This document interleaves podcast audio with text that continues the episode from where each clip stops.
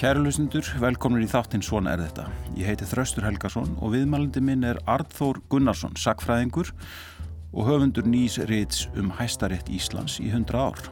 Arþór rekur ímsa forutnilega þætti í sögu hæstaréttar í reiti sínu en sennilega eru átökum störf og ráðningar í réttin hvað áhugaverðasti hluti sögunar. Ég ætla að ræða við Arþór um þessa hluti en einnig snert á ímsum öðrum deilum um hæstarétt þessi hundra ár sem oftast hafa snúist um sjálfstæði réttanis, gagvart framkvæmdavaldinu og hínu pólitíska sviði almennt.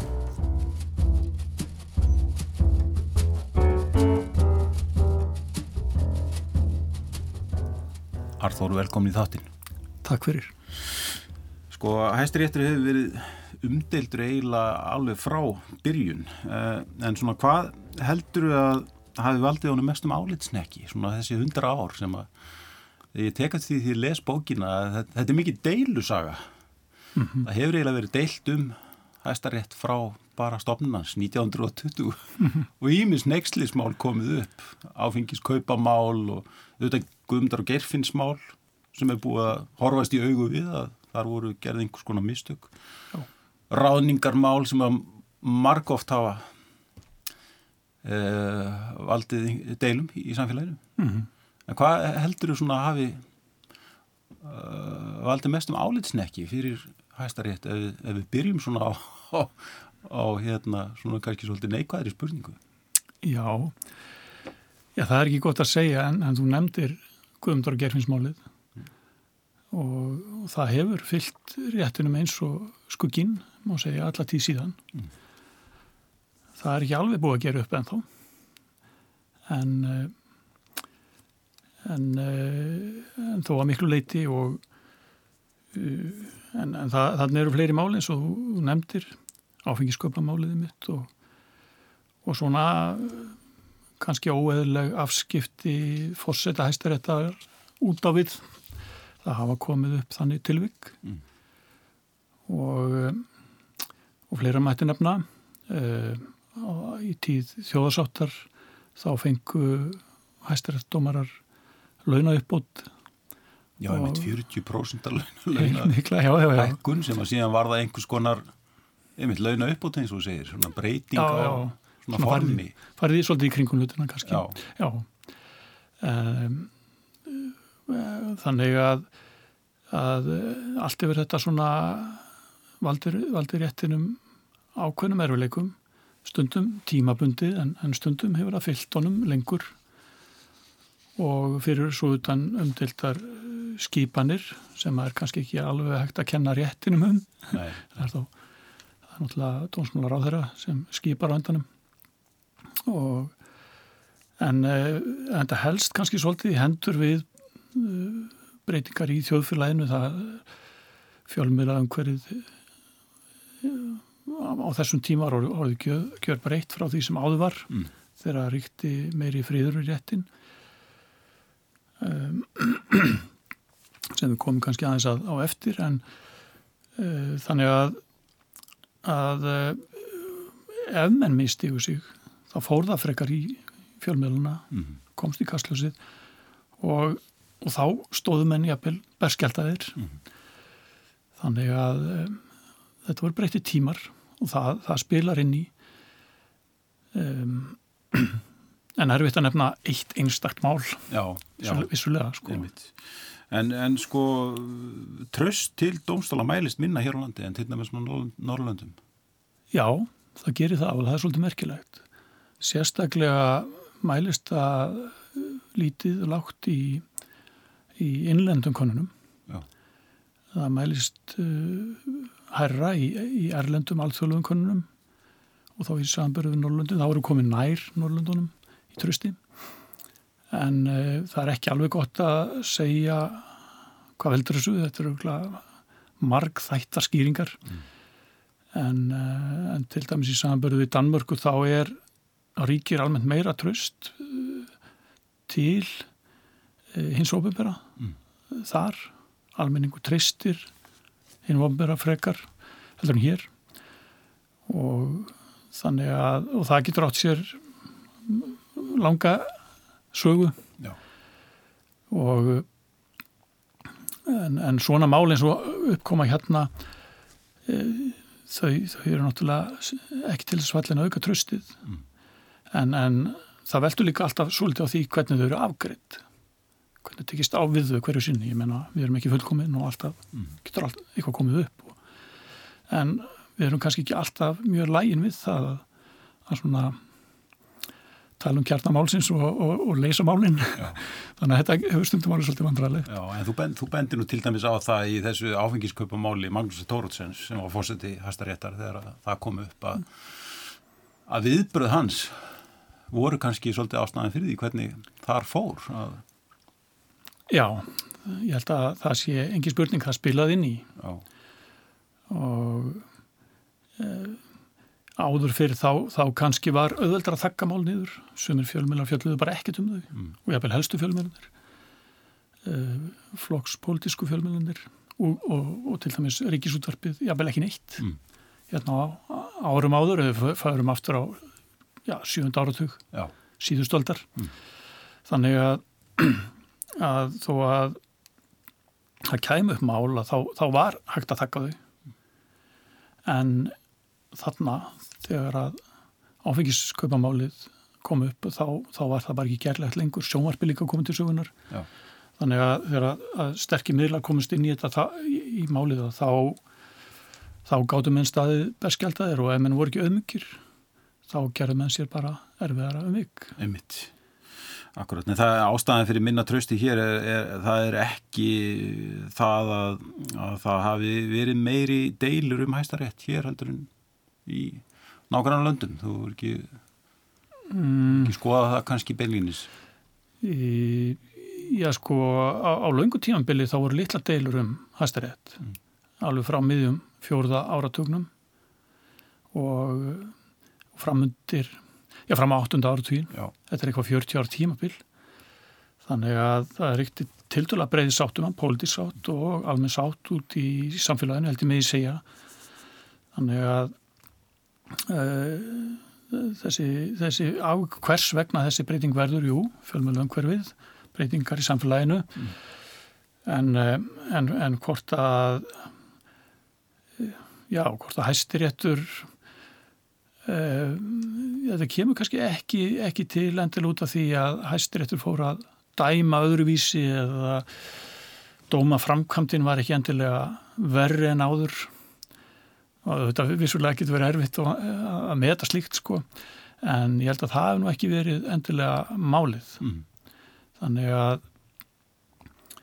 en en í þessu sambandi má náttúrulega nefna Vilmund Gilvarsson sérstaklega Já. til sögunar því að, að hann opnaði nú stakka einsum kílum í samfélaginu og bara hreinlega opnaði umræðu um ímislegt ekki þó hann einn heldur fjölmjölaðum hverju var auðvitað breytast að voru að koma til eh, sögunar hérna, nýjir fjölmjölar DFF þetta blæðið DFF Helgarpústurinn mm. um 1980 og fleira mætti nefna þannig að þannig að, að þannig að þetta bara opnar hinnlega á umræðum um, um, um stómstóla og, og dómskerfið í hildsinni sko, ekki bara æstarétt Já. En við komum aftur eh, svona betur að, að uh, þessu og þar á meðal vilmundi að, hérna aðeins á eftir. En sko ef við bara förum aftur að eh, stopnun hæstaréttar á Íslandi árið 1920 sem var þetta hluti bara að því að búa til sjálfstætt ríki og fullburða ríki en, en þetta var ekki einfalt mál meðal annars bara skortur og fólki hæfu fólki til þess að mm -hmm. gegna þessum störfum Já, ég menna lögfræðingarstjættin var fámenn, Já. virkilega og, um, og landi var náttúrulega fátækt og þetta segja það mm. Ríkisjóður stóð ekkit sérlega vel, til dæmis þegar að fullveldi er þegar Ísland verður fullveldi heim, heimstyrjaldar ár erfið að baki og, og svo kemur hann að kreppa sem að kjölfarið sem allir erfiðlegum þannig að, að, að bara að koma fótt nýri stopnun með húsnæði, ráða fólk ennbætismenn, þetta kostaði þetta sitt mm. þannig að það, það, menn horfðu í það menn horfðu í svo leiðis hluti líka sko mm. og en, en hitt var líka að, að Danir virðast hafa vantreist Íslandingum svo litið kannski báruð þeir bara fyrir sig einhverju slíku. Já. af því að þeir vildi ekki láta okkur hafa allt í hendunar sem að til þurfti til að vera um sjálfstæð. Það má vera. En, en það er svona ákveðið þarna vantröst í kardi Íslandingum að þeir bara hreinlega ráði við það að að, að reka hæstarétt starrakjan þann, þannig að svo mér var ég að þannig að þetta voru þetta var ekki, var, þetta, þetta var ekki einfalt að stopna ríki. Mm. sjálfstætt. Einmitt. Uh, en, en svo og það er hérna mjög forutnulegu kapli sem að svona í uppæði bókarina sem nær uh, sem fjallar um tímabili frá 1920 fyrstu 15 ár sem að rétturinn er starraktur 1920 til 1935 og það eru bókstar það logar allt í deilum þarna á þessu, þessu tímabili. Og, og þar gegnum nú Jónas á Hriblu að þessi miklu hlutverki sem hafi mikla skoðanir á, á, á starfsemi hæsta réttar en, en svona kannski um hvað var fyrst og fremst deilt þarna í, í upphafi? Já þetta kannski kemur til út af ákveðnum vantrösti sem að ríkti í gard en bætismannastjættarinnar megin valdastjættarinn í landinu sem að Jónasi var mjög uppsiga við mm. og, og hann, hann vildi svona leiða alltíðu fólks til, til einhverja meiri áhrifa en, mm. en var þannig að það er svona hugssjóninn svolítið hjá honum og, og það, það svo sem kom ekki til af, af engu þetta vantröst en, en þetta kannski þróast út í út í reyna valdabaróttu mm. þegar, að, þegar að þetta náði hámarki og milli til að kannski einfalda málið aðeins milli framsóknar og sjálfstæðis framsóknar samvinnurhefingarinnar annars vegar sjálfstæðisflokks eða í helsflokksins uppalega sjálfstæðisflokks síðar og kaupmanna stórútgerðamanna mm. sem hafi mikið lítið ekki atvinnulífinu þannig að það er kannski, og svo blandast inn í þetta náttúrulega stjættamál alls konar, er, það er hérna á, á þriði áratögnum að, að þá er að mynd, vera til þessi stjættapolítik mm. sem að setur auðvitað marksitt á samfélagið allt Já. og hæstir eitthvað lendir svolítið inn í því moldviðri, mm. þeim átökum þannig að, að Jónas og félagar og þá náttúrulega við um alltíðu, fórstu alltíðuflokksins líka sökuðu um, hæstarétt dómarinn um að vera uh, vera hlýðhólla í haldinu hæstaréttur væri í helds reyður mm. og svo framvegis Já. og um, þessu vildu Jónas og félagar breyta mm. og þetta er svo sem sko stef sem kemur upp aftur og aftur síðan alveg öll þessi eiginlega hundra ár það er að hérna að hæstri eftir sé svona íhaldsstofnun og stofnun íhaldsmanna eh, Kemst það einhverju niðurstöðum um það bókinni hvort að það sé eitthvað til í því eða, eða... Já sko ef við skoðum þetta allir færum okkur á, yfir á líðveldistíman mm. að þá náttúrulega eins og flesti vita að hefur sjálfstæðisflokkurinn lengst að fari með dónsmálaráðandi og það er dónsmálaráð þeirra sem að skipar mm. á endanum eh, hæstarið dómara þannig að bara svo staður end að hún, uh, hún, hún, hún skýrir þetta einhverju leiti Já. og og, og lögfræðingarstjættin þar hefur hún kannski verið íhalshalli lengi mm. allavega framanaf mm. ég veit ekki hvernig það hrita henn okkarlega en uh, þannig að, að sjálfstæðsflokkurinn hefur átt sterk ítök mm.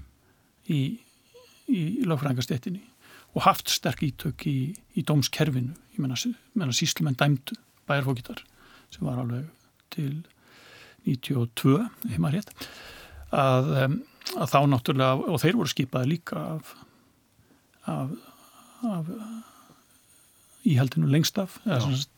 Þannig að, að að tök íhaldsins og sem að tala bara hreint út voru mikil á þessu sviði Já. sviði dónsmálana þannig að þetta kemur auðvitað ekki til að engu og, en, eh, en þó var það ekki ekki svo að, að hérna að til dæmis æstara dómarar væru alltaf uh, þeir kemur allir úr, úr sjálfstæðarfloknum eða eru honum tengdir, það var alls ekki þannig. Nei, Nei mitt, þú rekur meðal annars þarna, til dæmis samsetning dómsins hefur, hefur verið svona tilturlega endurspegla samfélagi nokkuð vel Já. í gegnum tíðina. Það er svona eina niðurstöðum eiginlega mm -hmm. hjá þér í, í bókinni að Já, það komið svolítið óvart, ég fór að skoða það. Það er svona tilturlega öðvöld að, að skoða þetta í e, svona fljótubræði þá sér maður það að, að hérna að ef maður skoða sko bakgrunn hæstarættumaruna, þeir voru 51 á þessum 100 árum sem er hann undir að um það byrj eitt þriði þeirra koma úr efsta lægi þjóðfélagsins getur við sagt, ef maður skoða stöðu fóreldrana bara eitt þriði úr, úr svona miðlæginu eða miðstjættum mm. og eitt þriði úr úr neðri lögunum mm. eða neðstu lögunum, hvernig sem við orðum það mm. þannig að og eins er nótt svona tildalega gott jafnvægi millir landsbyðar og svo aftur höfuborgarsvæðis að þessu liti e, það sem kannski ójafnvægi liggur er, er hérna kynjahallin Já. því að á þessum tíma voru fimm eimarétt konur hæstaréttatómarar einungis að 51 þannig að þar var hallin Já. þar var þessi stóra slags síða sko. og er enn það er svona, e, Já, það hefur reynda breyst núna eftir 100 ára amalið þá var með höstið 2020 Já. að þá voru skipaðar uh, tvær konur í ennbætti hæstaréttatómara ein var fyrir þannig að nú eru þær þrjár og svo fjórir kallmenn, þeir eru núna sjö dómarannir þeim er fækkað. Já. þannig að, að jafnvægið er orðið nokkuð gott Já, núna. Hérna, en þarna í, á þriðja fjóru áratugum þá er strax byrjað einmitt að ræða um hættin á pólitískum ráðningum það er deilt um fjölda dómara og sömulegis komið fljótt upp ásakanur um pólitíska svona misbeitingu á dómsvaldinu. Og, og, og, og Jónas frá Hreiplu gerði það eitt af sínu sem, það eitt af sínu fyrstu verkum sem fórsæðsraður á 1927 að, að, að reynsa til í dómskerfinu. Og hann ætlaði meðal hans að leggja niður hæstarétt. Já, reynlega stopna nýja rétt fymtardóm Já. Og uh, hann í rauninni lýsi tímið þessu yfir dablaði tímin mm. uh, strax árið 1920 um það leitið sem hæstirittur tekur til starfa.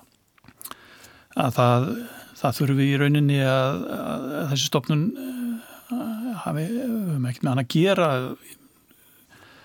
Þá er talað um að, að kennarar við lagadelt háskólans geti sýnt þessu mm. ásönduður Já og svona sko þannig að ég veit ekki hversu margi tók hann alvarlega þá en, en svo fer þetta smá saman svona að, að raungi restum á sig ja, það, það, það er alveg ljóst þegar hann er orðin dónsmálar á þeirra 1927 7 árum eftir stofnun hæstarittar að þá er honum fúlast alvara sko. Mm.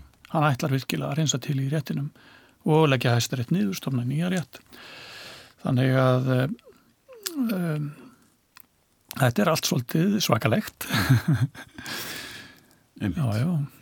En sem sé, sí, síðan sko og, og þarna blandast inn í stóra bomban og það allt sem mannaráðningamál og, og, og svona ímis, það er, það, er, það er svona ímis mál sem tengjast inn í þessa umræðu og hérna og Jónas uh, færi þetta á sig uh, svona miklar miklar árásir og uh, hann er meðal hans sjálfur sakar um að hafa áhrif á dóma hæstaréttar og hérna og þú reyndir að held í nefnir það í bókinu það sé kannski svolítið erfitt að meta það mm. en hérna mm -hmm. en, og, og, og, en, en umræðan fer síðan fljótlega að snúast um það hvort hæstaréttur geti sjálfur ráðið í störf dómara.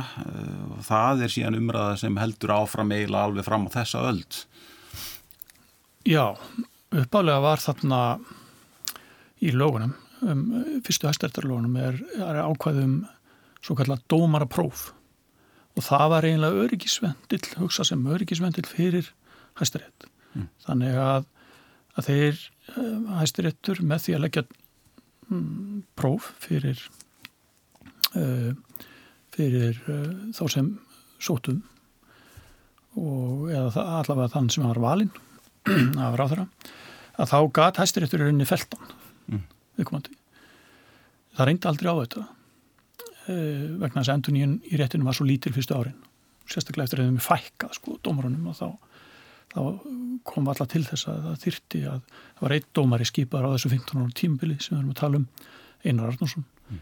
en uh, hann, hann það var ekki, dómarprófi var ekki lagt fyrir hann.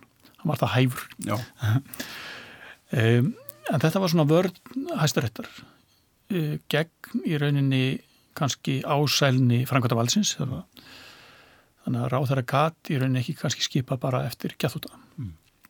En með breytingu á hæstaréttarlögunum 1935 þá er þetta dómarpróf lagt nýður. Það var að danskri fyrirmynd og það er ennþá notað í Danmarku. Mm.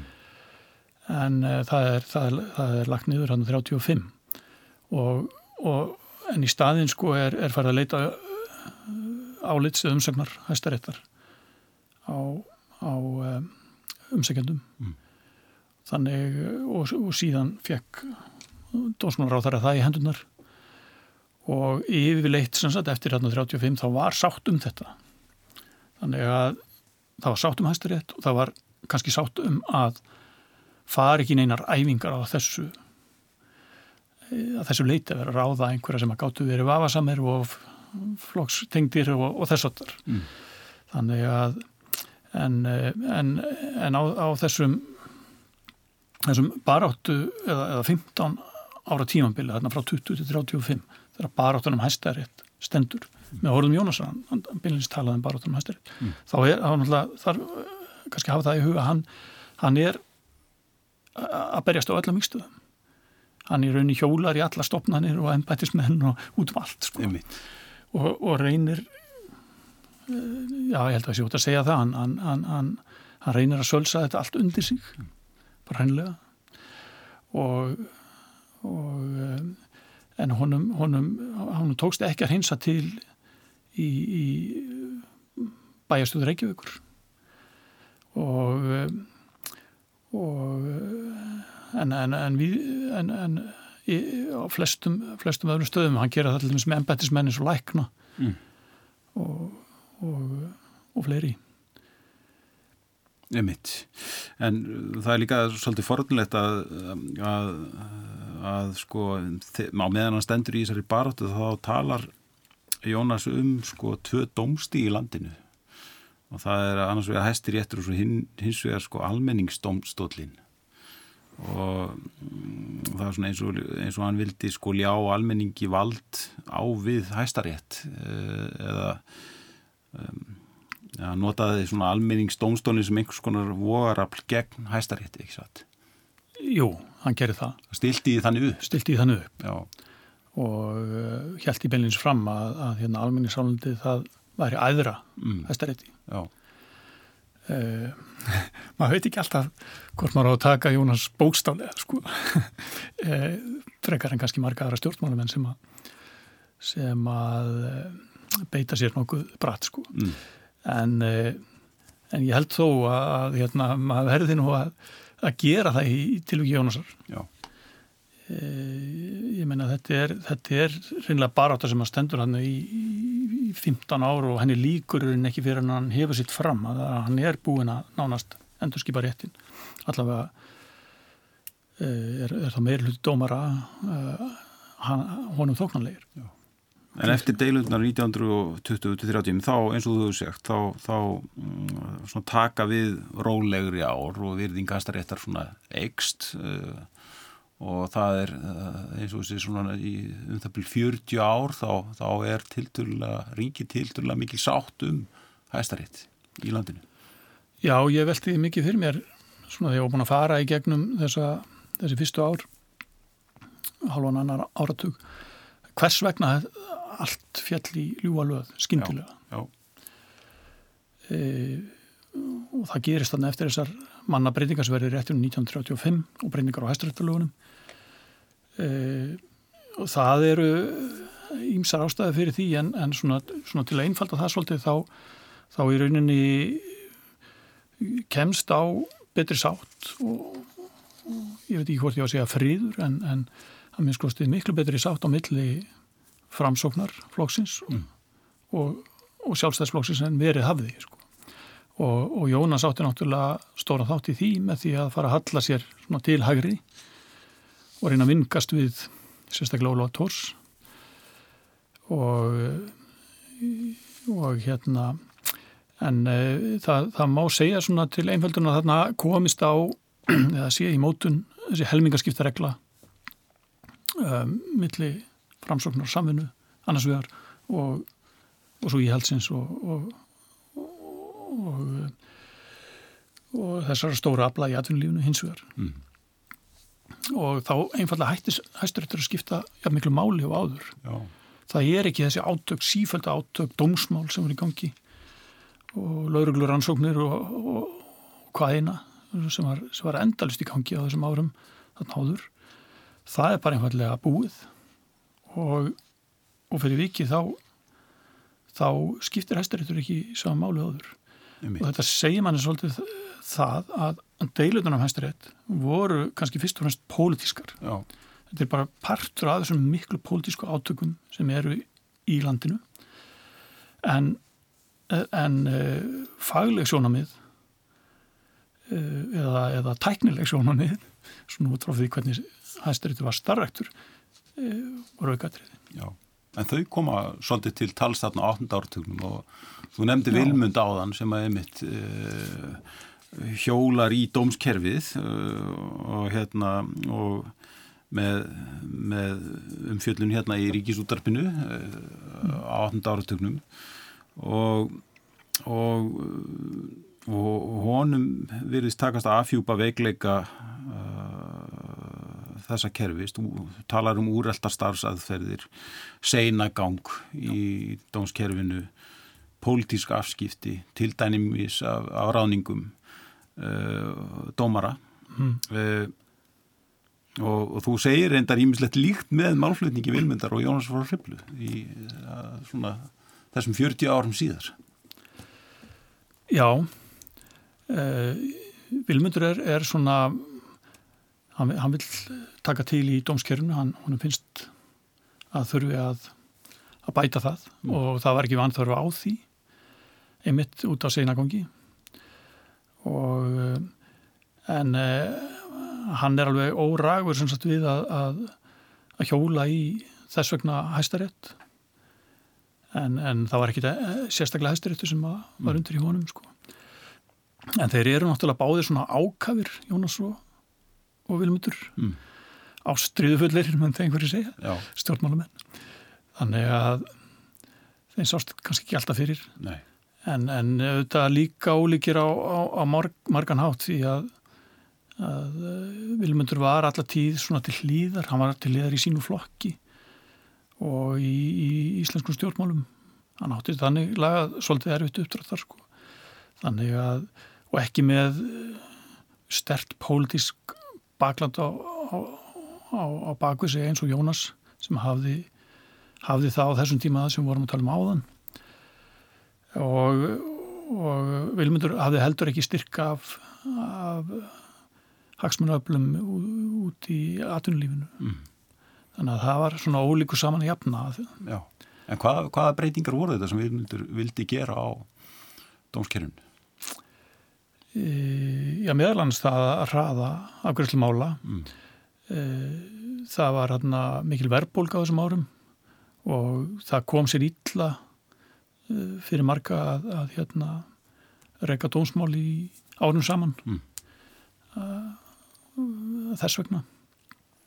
Og e, Vilmundi var í muna svona rétta hlut alminnings á mörgum sviðum og meðalans þessu. Já taka til í kerfinu. Hann talar um uh, hæstarétt svona sem, sem varðhund kerfisins en ekki vörð fólksins eins og hann orðaði það. Já, hann gerir það sko. Um, já. Og þá erum við kannski komin inn í svona þess að tæknilegu umræðu miklu frekar kannski og en kannski líka mm. pólitíska. E, já, ég, það er, það er sko, þarna á þessum tíma þá, hann, hann hjólar hérna í Árma Snævar, Mm.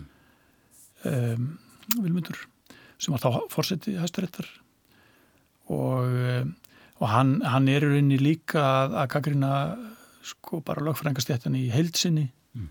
telur marga lögfrænga maka krókin á dómsmálum og senagónginum og svo náttúrulega hann, hann er líka að agnóðast út í laga kennslu í háskólan. Já, Hann telur þennan hóp sem að það kemur eh, einsleitan mjög já. og heila þvegin það sé stundu einhvers konar innprentun Já, innprentun. Það, það sé það. Þannig að eh, hans gaggrinni er, er, er svona nokkuð, nokkuð viðtæk af þessu leitum til. Já. En einmitt, svo, svo, svo reyndar heldur þessi þráður áfram, eh, hérna, þú, þú segir að í raun og veru megi sko um, sjá í þeirri gaggrínu sem Jón Steinar Gunnlaugsson hefur sett fram á síðust áratugum á hæstarétt, sé svona kannski áframhald á því sem að Jónas og svo Vilmundur voru að segja Mm -hmm. hvað uh, og einmitt kannski um, um þetta að, að, hæsturéttur væri varðundur kerfisins en ekki vörð fólksins og við, Jón Steinar hefur þetta gaggrind bara klíkuskap við hæstarétt og, og já, vinnu álag sem að Og og seina gang og annað slíkt Mm -hmm. en sem sé það, það er ákveðin þráður þarna það er verið að koma inn á sömu hluti aftur og aftur Já, sagan endur tekur sig alltaf og, og þarna sér maður það svolítið.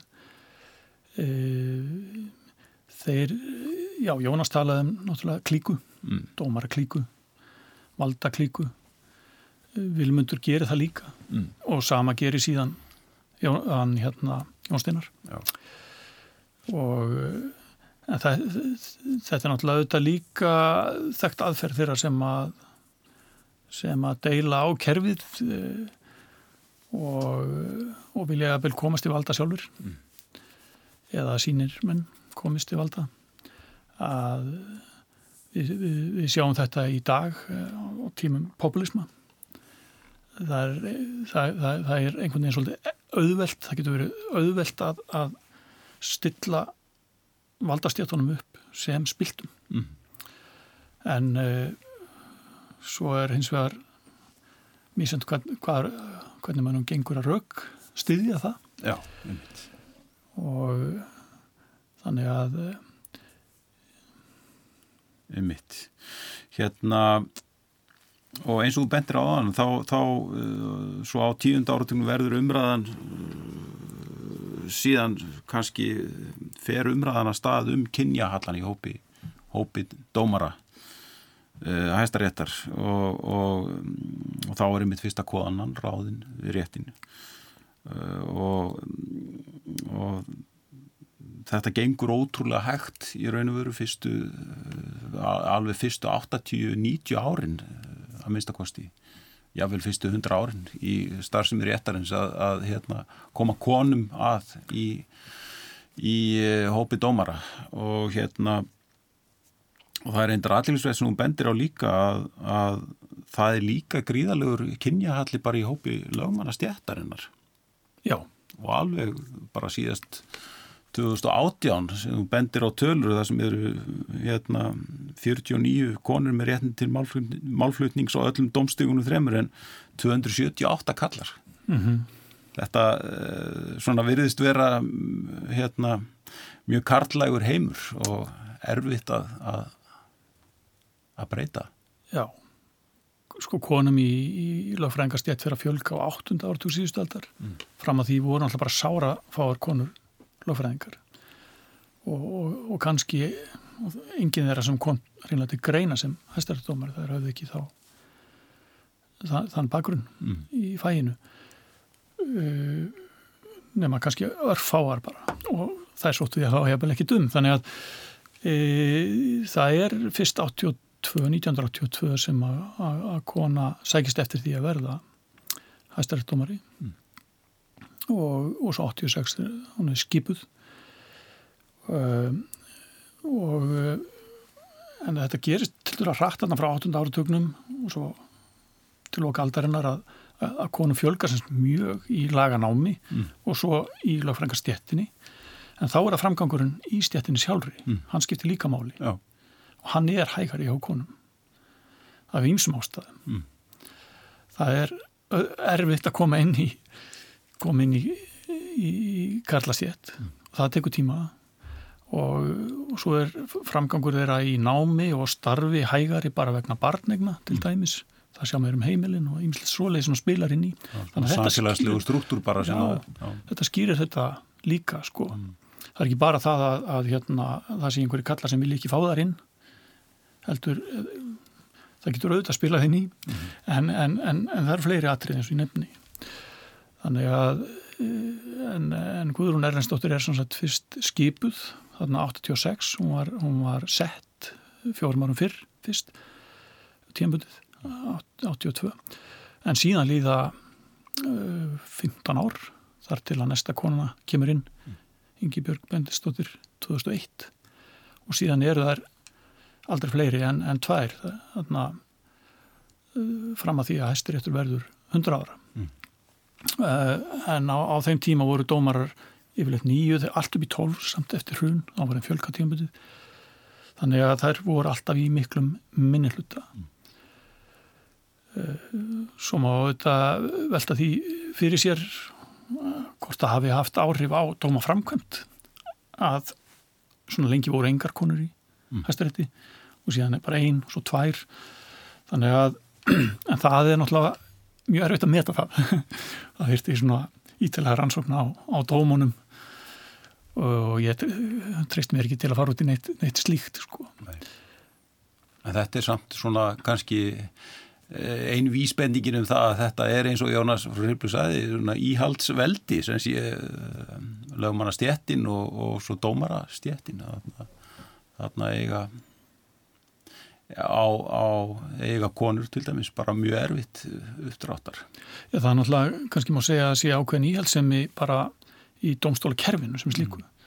og ég held að það sé bara reynilega mikilvægt að svo sé sko. ég menna við getum ekki alltaf verið að umbreyta þessum stopnunum og mm. ræra og mikið til í hvernig þær eru starraktar og, og, og þannig að þarf að vera ákveðin stöðuleiki þannig að, að umhverfið kannski kallar ekki beinlinis á breytingar mm. á nýliðum þannig sem við erum að tala um en, en þó getum við rifjað þau upp að, að dómara hópurinn lengst af hefur verið mjög en bara býstna býstna svona fjölbreytur mm. domarhópurinn í, í hæstarétti þar að segja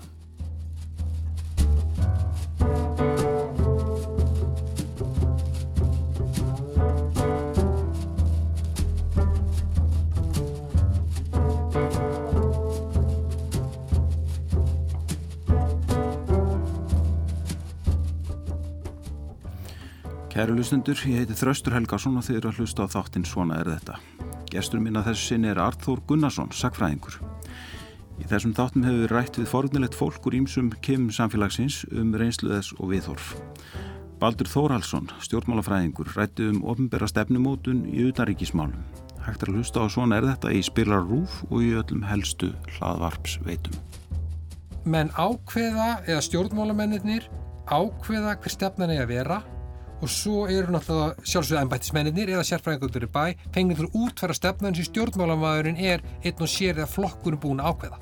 Samtalið er ekki tekin, hverjir eru hugsaðlega kostur og gallar við tiltekan lausnir, hverjir eru leiðirna sem hugsaðlega fara, hvað eru margar leiðir í bóði, hver eru kostur og gallar, hver er leiða fyrir sig. Menn eru hrættir inn í þess, fara, fara taka þessa umræðu sérstaklega í viðkom pólitískum málum. Og auðvitað er það bara skiljanlega og við erum bara ekkit vön því í utaríkismálum að ég held að vinna svona.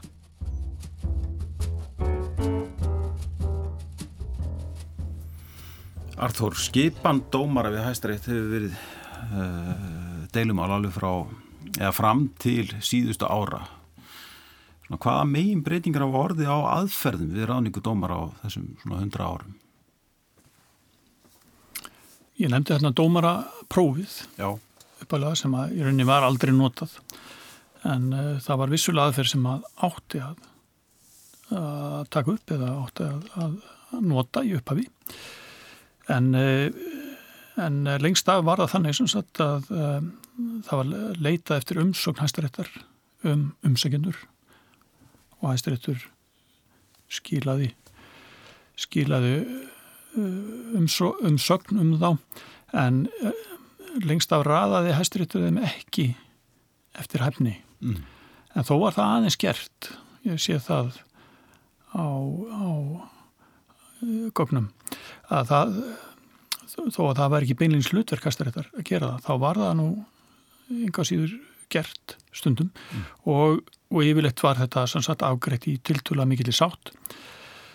E, e, svo svo gerist það með nýjum domstólulögum 1998 að að hæstiréttur hérna, það er leita eftir því að, að hæstiréttur getur þá raðað umsækjandum eftir hæfni mm. og og og það en það er svo fyrst með skipun hæstirétt dómara 2003 að það er beinleins farið gegn áliti mm. eða mati hæstiréttar og og þá var þján til laus mm. að segja gríðarlega umdelt uh, skipun mm. og svo aftur árið eftir 2004 í fyrra skipti var Ólaður Börkur Þorvaldsson skipaður hæstarættdómari og í, í senna skiptið Jón Steinar Gunnlaugsson og, uh, og það má segja að þessar um, skipanir hafi uh, svona fyllt mælin uh, menn sáu það að þetta, þetta gæti ekki gengið svona lengur. Þetta var óþægilegt fyrir alla. Þetta er óþægilegt fyrir þá sem eru skipaðir svona mm. mikla deilur.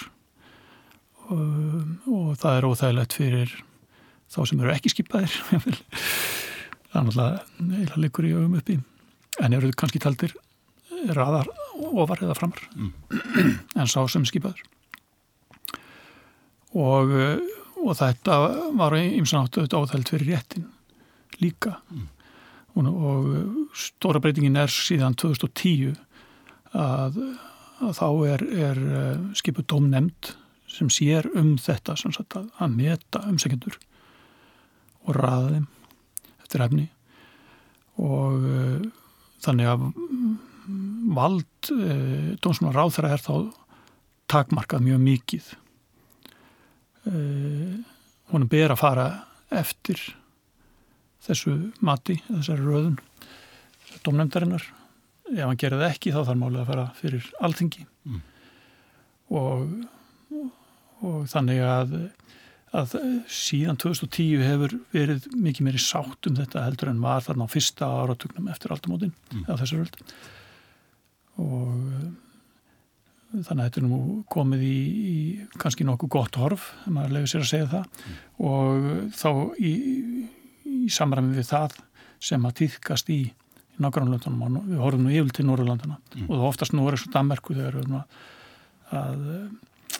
að skoða hluti í, dómskerfunni hérna því að það er mörguleiti líkt.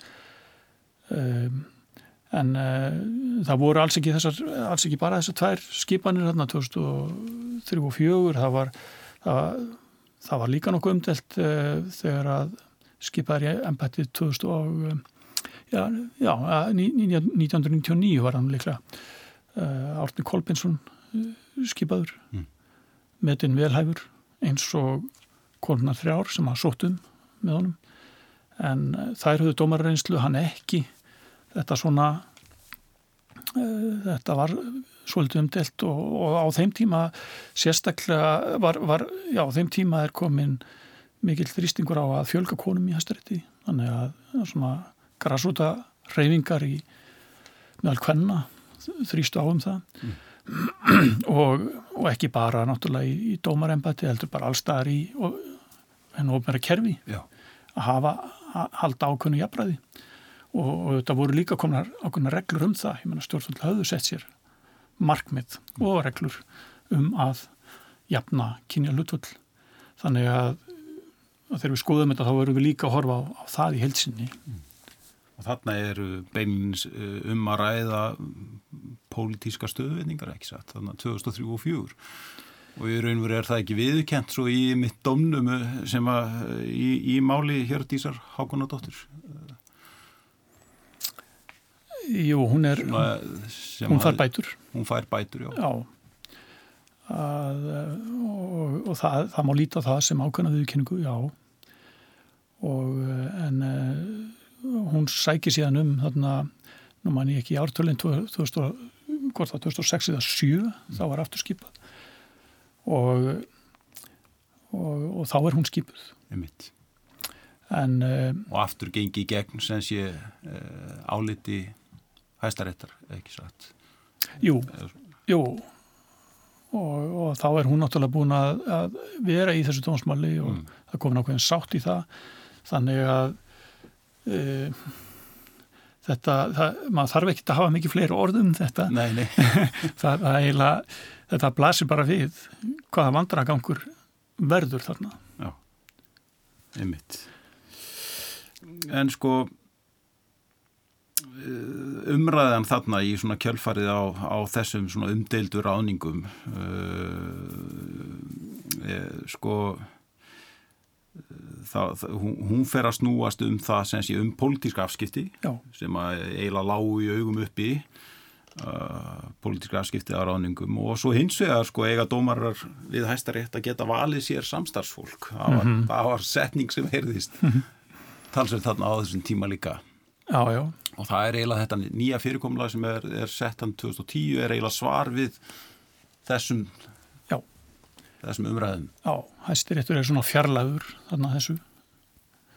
Og ég held að það sé bara hennu góða. Mm. þannig að það er afskaplega mikilvægt að það ríki sátt um svona skipanir svona mikilvæga skipanir. Því að ef að hæstarétt dómar að hafa orða á sér að, að fyrir að vera eða, tengja speilinu sem einhverjum flokki eða að, þeir, að þeim, þeim hafi verið komið í embætti til að hyggla þeim eða ákveðnum, ákveðnum sjónarmiðum eða hagsmunum og það er ekkit endilega við þá að sagast sjálfa sem voru skipaðir. Mm. En, en þegar þetta gerist að, að þá fá þeir á, á sig ákveðin stimpil og það er bara einfallega ekki gott Mm. fyrir, ég hef ekki nú sagt, réttar öryggi í landinu. Þarna þarf að ríkja ákveðin, ákveðin sátt og, og, og friður og, og fyrirkomulega eins og var orðið að það það það var ekki, ekki til þess fallið. Var eitthvað sem kom því sérstaklega óvart við, við rítun þessar bókar? Já, já, þetta ég meina margt sem kemur mann óvart mm. maður fyrir að, að skoða svona langa sögu og, og sögu mikilvægar stopnunar e, það komir óvart að hvað deilurnar hérna, barátunum hæstur rétt mm. og í tíði Jónasar var hörð og langvarandi og hann beitti sér kerfisbundið. E, og eins hvernig það kom til að, að þessi sátt var um hæstarétt sem að þetta þetta tengist allt svo hennum pólitíska landslægi í landinu mm. og það er svolítið sláandi og og það, það má nefna margt annað eins og, eins og það að árið 2004 árunum 2003 og 2004 að þá voru menn í dómsmálaráðundinu og fórsætsráðundinu að, að sjóða saman frumvarp sem ætla var að færa framkvæmdavaldinu meiri völd mm. yfir dómsvaldinu. Já. og meðal hans hugmyndum það að fórsætsráður að myndi já, skipaði já, já þannig að, að svo seint sem þá að menn skuli hafa leift sér uh, svona lagað. Svo ég tæki nú bara þannig til orða sko. þetta er alveg yfirkingilegt uh, þannig að lærdómurinn sem að maður trefur af, af, af þessu er, er kannski sá að þarna þurfum við virkilega að vera á verði mm. sem samfélag því að sko við getum ekki látið valda mikla stjórnmannmennum vaða uppi og vaða yfir eins og, eins og hefur stundum gerst þannig að valdreifing þarf að vera tryggð og, og regluverk allt í kringum dómskerfið og svona stofnun eins og hestaritt þarf að vera þarf að vera áræðanlegt það er, það er gríðarlega mikilvægt í að eins og við höfum komið inn á þá hefur sagan tilneingu til að endur taka sig. Og, og það á eftir að gerast. Við erum ekki komin að neinu metamörku núna. Einmitt. Tíminu lefur frá okkur, það var mjög gaman að fá því í þáttinn Arþór og til hafingi með þessa fínu bók. Mjög, hún var á köflum bara eins og góður reyfari að lesa. Já, takk fyrir það og takk fyrir að gefa mér þetta tækifæri að koma. Kæri lausnendur, við erum hér aftur á vikuliðinni, góða stundir